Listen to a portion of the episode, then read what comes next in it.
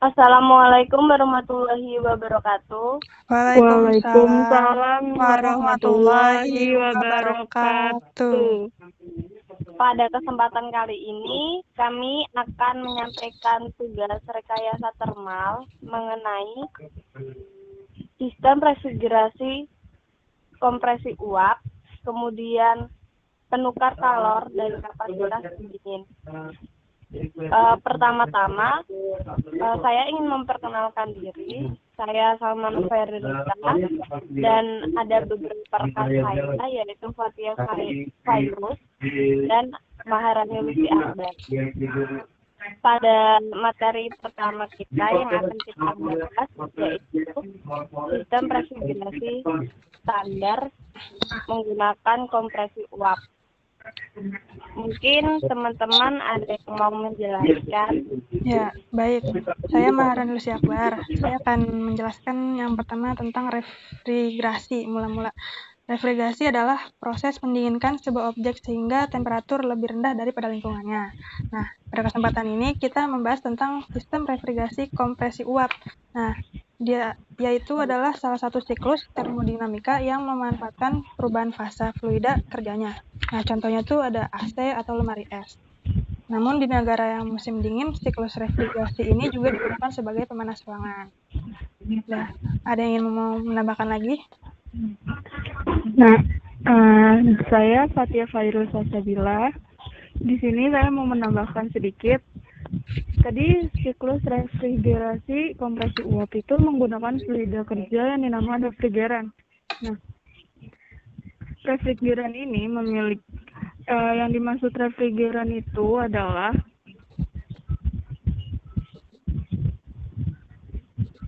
uh, yang memiliki titik didih saturasi pada temperatur sangat rendah dibandingkan dengan air. Jadi refrigeran ini memiliki titik didihnya uh, lebih rendah dari air. Nah, di mana kalau misalkan air itu pada tekanan 1 atm, dia memiliki temperatur sekitar 100 derajat Celcius. Sedangkan refrigeran memiliki titik titik didih di bawah titik buku air. Nah, contohnya ini di sini ada uh, refrigeran jenis R134A. Nah, dia memiliki titik didih sekitar minus 26 derajat Celcius. Semakin tinggi tekanan refrigeran, maka semakin tinggi titik didihnya. Juga, uh, begitu juga dengan sebaliknya. Di dalam refriger uh, di dalam uh, siklus ref refrigerasi kompresi uap itu dia mempunyai empat komponen utama, yaitu ada kondensor, ada kompresor, ada evaporator, dan ada katup ekspansi. Mungkin ada yang mau menambahkan? Boleh, sama. Oke, saya akan menambahkan mengenai keempat komponen tadi. Untuk keempat komponen tadi, uh, yang sudah dijelaskan Fatia Virus, yaitu mengenai uh, kompresi, terus yang maksudnya kompresor, kondensa, kondensi, pipa kapiler, dan itu saya ingin menjelaskan mengenai uh, pada sistem kerja di bagian kompresinya. Nah, pada proses kompresi ini, uap refrigeran dari evaporator dihisap selanjutnya dikompresi atau ditekan sehingga tekanan dan temperatur naik. Alat untuk kompresi disebut kompresor. Kemudian untuk proses pada kondensasi ini refrigeran diubah dari sifat tekanan tinggi menjadi cairan dengan tekanan tinggi. Panas dari refrigeran akan dikeluarkan melalui kondensor ke udara ke udara lingkungan sehingga mengalami kondensasi dan temperaturnya menjadi rendah. Kemudian pada pipa kapiler tekanan cairan refrigerasi ditentukan dengan seleksi panjang dan diameter pipa kapiler.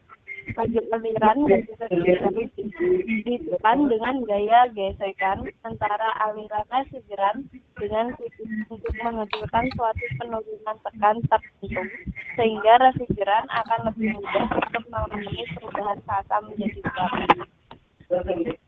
Kemudian untuk uh, bagian pada proses evaporasi yaitu refrigeran uh, diubah fasanya dari cair menjadi gas dikarenakan kalor yang diserap oleh evaporator di udara ruangan menghasilkan kenaikan temperatur pada refrigeran.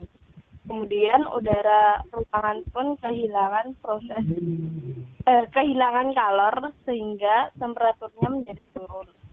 Refrigeran mengalir dari evaporator dengan keadaan temperatur tinggi dan tekanan rendah. Dengan adanya superheat, maka uh, sistem refrigerasi akan menguap. Nah, setelah evaporat uh, terjadi pada evaporasi, maka akan kembali ke kompetisi selanjutnya. Siklusnya begitu mulus. Mungkin ada yang menambahkan lagi mengenai ya. ini. Ya baik, saya akan menambahkan lagi sedikit. Jadi yang saya tahu, sistem refrigerasi kompresi uap ini adalah jenis refrigerasi yang sangat umum, karena refrigerasi ini menghasilkan keadaan temperatur yang sangat rendah dan memiliki performansi yang baik. Lalu, sistem refrigerasi kompresi uap ini menggunakan fluida, flu, fluida kerja yang dinamakan refrigeran, atau bisa disebut freon. Freon itu adalah nama merek refrigeran yang sangat umum di teknisi. Lalu di dalam sistem refrigerasi juga ada yang diketahui nilai COP. Nilai COP itu adalah uh, nilai yang untuk menunjukkan seberapa baik kinerja dari sebu sebuah siklus refrigerasi. Nah, rumus COP itu sama dengan kalor yang dimanfaatkan dibagi kerja yang di uh, kerja yang masuk. Nah, keterangannya itu ada rumus untuk uh, refrigerasi sebagai pemanas, yaitu COP sama dengan Q KD per WKP. Lalu juga ada refrigerasi untuk sebagai pendingin, yaitu COP sama dengan QIV per WKP. Keterangan rumus tersebut, QIV itu adalah kalor yang diserap oleh evaporator. Lalu WKP itu adalah kerja kompresor, dan yang terakhir Q KD itu adalah kalor yang dilepaskan kondensor. Ya, mungkin cukup dari saya. Mungkin ada yang mau menambahkan lagi? Hmm. Uh, mungkin saya mau sedikit menambahkan. Tadi kan udah dijelasin tentang eh, komponen-komponen dari sistem refrigerasi kompresi uap. Di sini uh, proses di sini proses siklus kompresi uap itu bisa dijelaskan juga dalam diagram pH. Nah, diagram pH itu P-nya itu adalah tekanan dan H-nya itu adalah entalpi yang menunjukkan entalpinya. Nah, di uh, di diagram pH ini untuk apa? Untuk prosesnya, untuk proses yang satu kedua uh, itu dia itu menunjukkan uh, proses kondensasi atau terjadinya di kondensor. Nah, lalu pada proses satu ke eh satu kedua maaf satu kedua itu adalah uh, pipa kapiler yaitu terjadinya di pipa kapiler kalau satu dua ketiga uh, terjadi di evaporator di sini terjadi siklus evaporasi nah lalu tiga keempat itu uh, terjadinya di kompresor di mana si, uh, dia terjadi siklus kompresi. Nah, 4 ke 1 itu dia terjadinya di kondensator, di mana terjadi siklus kondensasi. Dan itu terjadi berulang-ulang yang sudah dijelasin oleh Salma. Ya, baik. Um, mungkin saya cukup. Mungkin uh, dari Maharani dan Lucy sudah menjelaskan dan menurut saya sudah cukup. Uh, adakah yang masih mengganjal dari kompresi uap ini? Hmm, mungkin sudah cukup jelas. Fatia gimana? Sudah cukup jelas? Kalau kemungkinan sudah dicukupkan, mungkin kita akan lanjut ke materi selanjutnya. Ya, ya. Gimana teman-teman? Ya, ya lanjutkan saja. Oke, kalau gitu uh, saya selaku moderator yang melanjutkan untuk materi selanjutnya yang akan dibahas yaitu mengenai eh, penukar kalor atau sistem refrigerasi penukar kalor. Nah, dari teman-teman yang mau menjelaskan terlebih dahulu siapa ya? Uh, Oke, baik. Virus? Mungkin uh, oke. Jadi aku mau menjelaskan tentang penukar kalor dulu. Penukar kalori atau penukar panas. Nah, di sini bisa disebut juga heat exchange- exchanger, di mana perangkat yang digunakan untuk mentransfer energi panas atau yang tadi entalpi H antara dua atau lebih fluida, eh, antara permukaan padat dan cairan atau antar partikel padat dengan cairan pada temperatur yang berbeda dan dalam kontak termal. Dalam penukar panas biasanya tidak ada eksternal panas dan kerja interaksi. Nah, fungsinya ini, fungsi umum dari penukar kalor adalah mentransfer panas dari satu fluida dari satu fluida ke fluida yang lain. Mungkin ada yang mau menambahkan? Ya, baik. Saya ingin menambahkan. Nah, penukar kalor, kalor ini juga ada yang sederhana, yang terdiri dari dua pipa yang diameternya berbeda, sehingga salah satu pipa diletakkan di dalam pipa lain.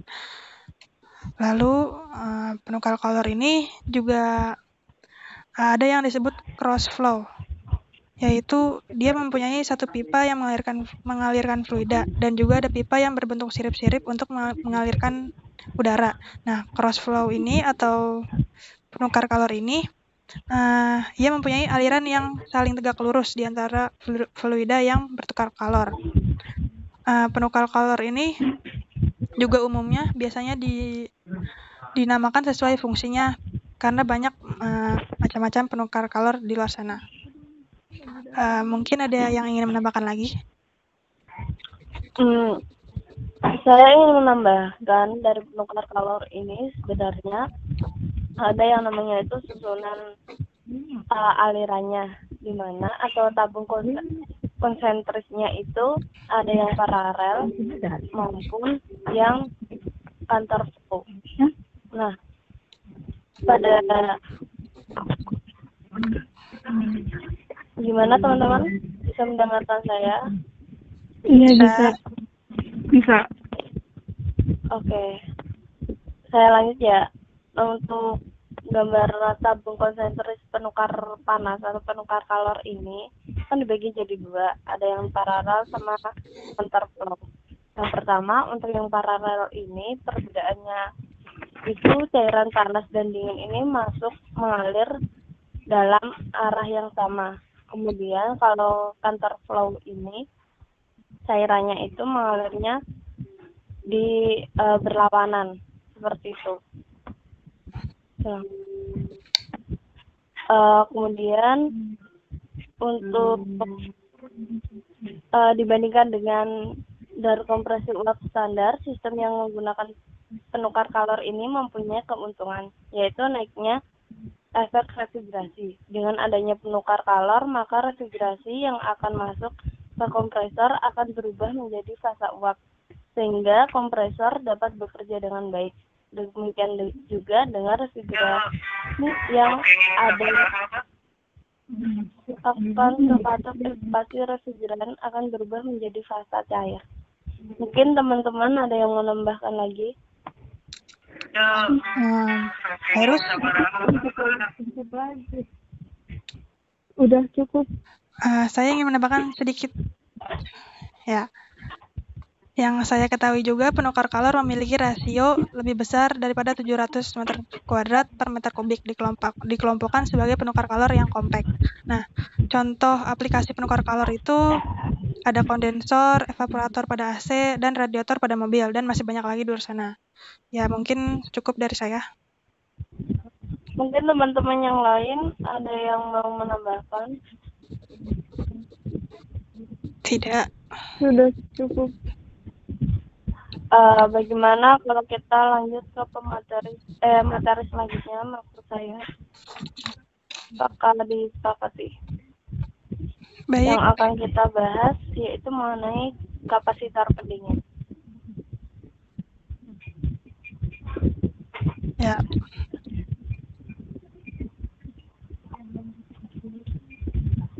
Salma? Iya. Eh, di sini siapa yang akan menjelaskan terlebih dahulu?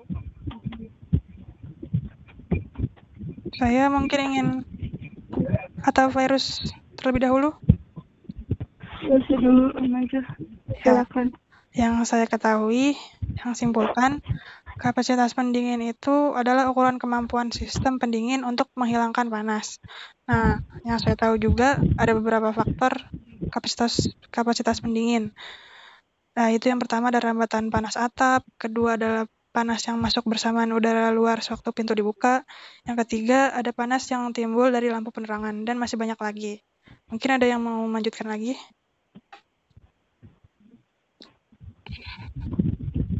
Bagaimana Fatia ingin menambahkan?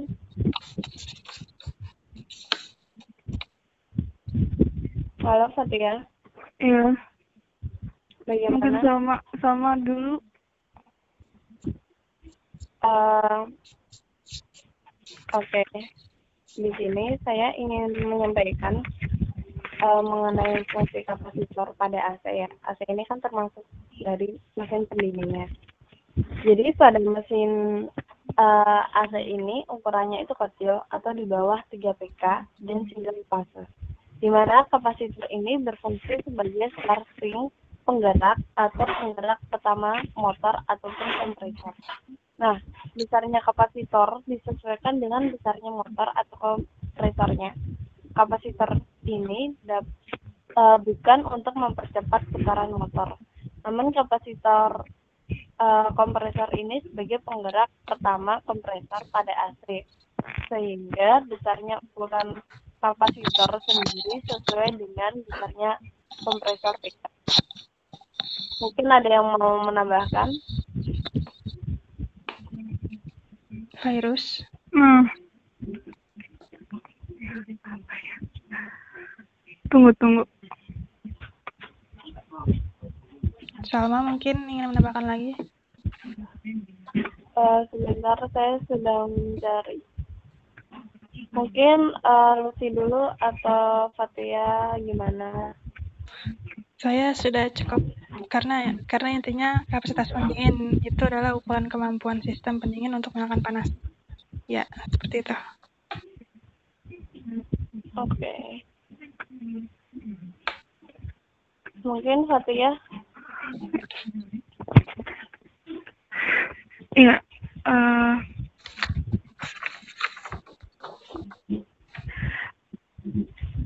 eh, kapasitas pendingin yang tadi sudah dijelasin oleh Maharani kan ukuran kemampuan sistem pendingin untuk menghilangkan panas. Jadi seberapa seberapa mampu si sistem pendingin ini untuk menghilangkan panas berarti menjadi eh, menjadi dingin kan. Nah biasanya tuh satuan dalam standar internasionalnya ini adalah watt dia. Eh, lalu eh, eh, di dalam bentuk persamaan rumusnya itu kita bisa mengenal bisa tahu dari rumus Q sama dengan M dikali C dikali delta T. Yang mana Q-nya itu adalah kapasitas pendinginnya. Dia dalam kilowatt. Terus M-nya ini adalah laju masanya kilogram per second. Dan C itu adalah kapasitas panas spesifik yang dalam satuannya itu kilojoule per kilogram K. Nah, delta T-nya ini adalah perubahan suhu dari derajat eh, Kelvin. Mungkin kayak gitu. Itu untuk rumus untuk mencari si kapasitas pendinginnya itu. Eh, yang lain adakah yang mau menambahkan? Dari saya sudah cukup. Cukup. Eh, gimana Maharani dan saya virus? Sudah cukup. Cukup. Ya, Nah, mungkin eh, dari apa yang kita bahas dari ketiga materi tadi, ada yang bisa menyimpulkan terlebih dahulu. Dari rekan-rekan bisa menyimpulkan, mungkin nanti rekan-rekan yang lain juga akan menambahkan dari kesimpulan dari ketiga materi Iya. tadi. Iya, siapa dulu? Ya, mungkin Sisi? Ya baik dari saya. Ya, eh, dari materi pertama yaitu sistem refrigerasi kompresi uap, eh, saya bisa eh, mendapatkan intinya yaitu bahwa sistem refrigerasi kompresi uap ini sangat umum dan sangat dikenal karena dia yang paling menghasilkan keadaan temperatur yang sangat rendah dan memiliki per- performansi yang baik. Lalu dari materi kedua, saya bisa menyimpulkan bahwa uh, penukar kalor itu uh, bermacam-macam sesuai fungsinya. Karena dia memindahkan energi, kalor dari medium satu ke medium lain sesuai dengan fungsinya yang akan dibuat. Lalu dari materi yang ketiga, kapasitas pendingin, saya menyimpulkan bahwa sebuah sistem pendingin pasti punya kapasitas, yaitu uh, seperti ukuran kemampuan untuk menghilangkan panas dari sebuah ruangan tersebut. Ya, itu inti dari saya dari ketiga materi tersebut. Oke, oke. em, kalau misalkan dari saya, mungkin dari apa yang udah kita bahas tadi, dari materi pertama, kedua, dan ketiga. Materi pertama yaitu siklus refrigerasi kompresi uap, di mana kita eh, kita tahu di mana untuk komponen-komponen utamanya itu si kompresor eh, kompresi uap itu adalah sisa kapiler, eva- evaporator, kompresor, dan kondensor. Eh, dan di- juga terdapat diagram pH di dalam materinya tersebut yang bisa mengetahui kemampuan dia. Terus juga ada form eh, dan ada koefisien kinerjanya, kop yang tadi udah dijelasin Lutfi, terus juga untuk materi yang kedua itu ada penukar kalor yang mana fungsinya itu udah dijelasin untuk mentransfer mentransfer panas dari satu fluida ke fluida yang lain. Nah, kalau misalkan refrigerat refrigerasi yang eh, penukar kalor ini berfungsi untuk refrigerasi yang masuk ke kompresor. Maksudnya gimana? Maksudnya eh, untuk penukar kalor ini kalau misalkan digunakan dalam sistem refrigerasi standar itu refrigerasi yang akan masuk ke kompresor itu akan berubah menjadi fasa uap. Nah sehingga kompresor dapat bekerja dengan lebih baik. Jadi untuk kemampuan kemampuan dia mengubah fasa uh, nya itu lebih baik. Nah, di mana uh, di materi ketiga juga berkaitan erat dengan kemampuan dia mengukur yaitu kapasitas pendingin.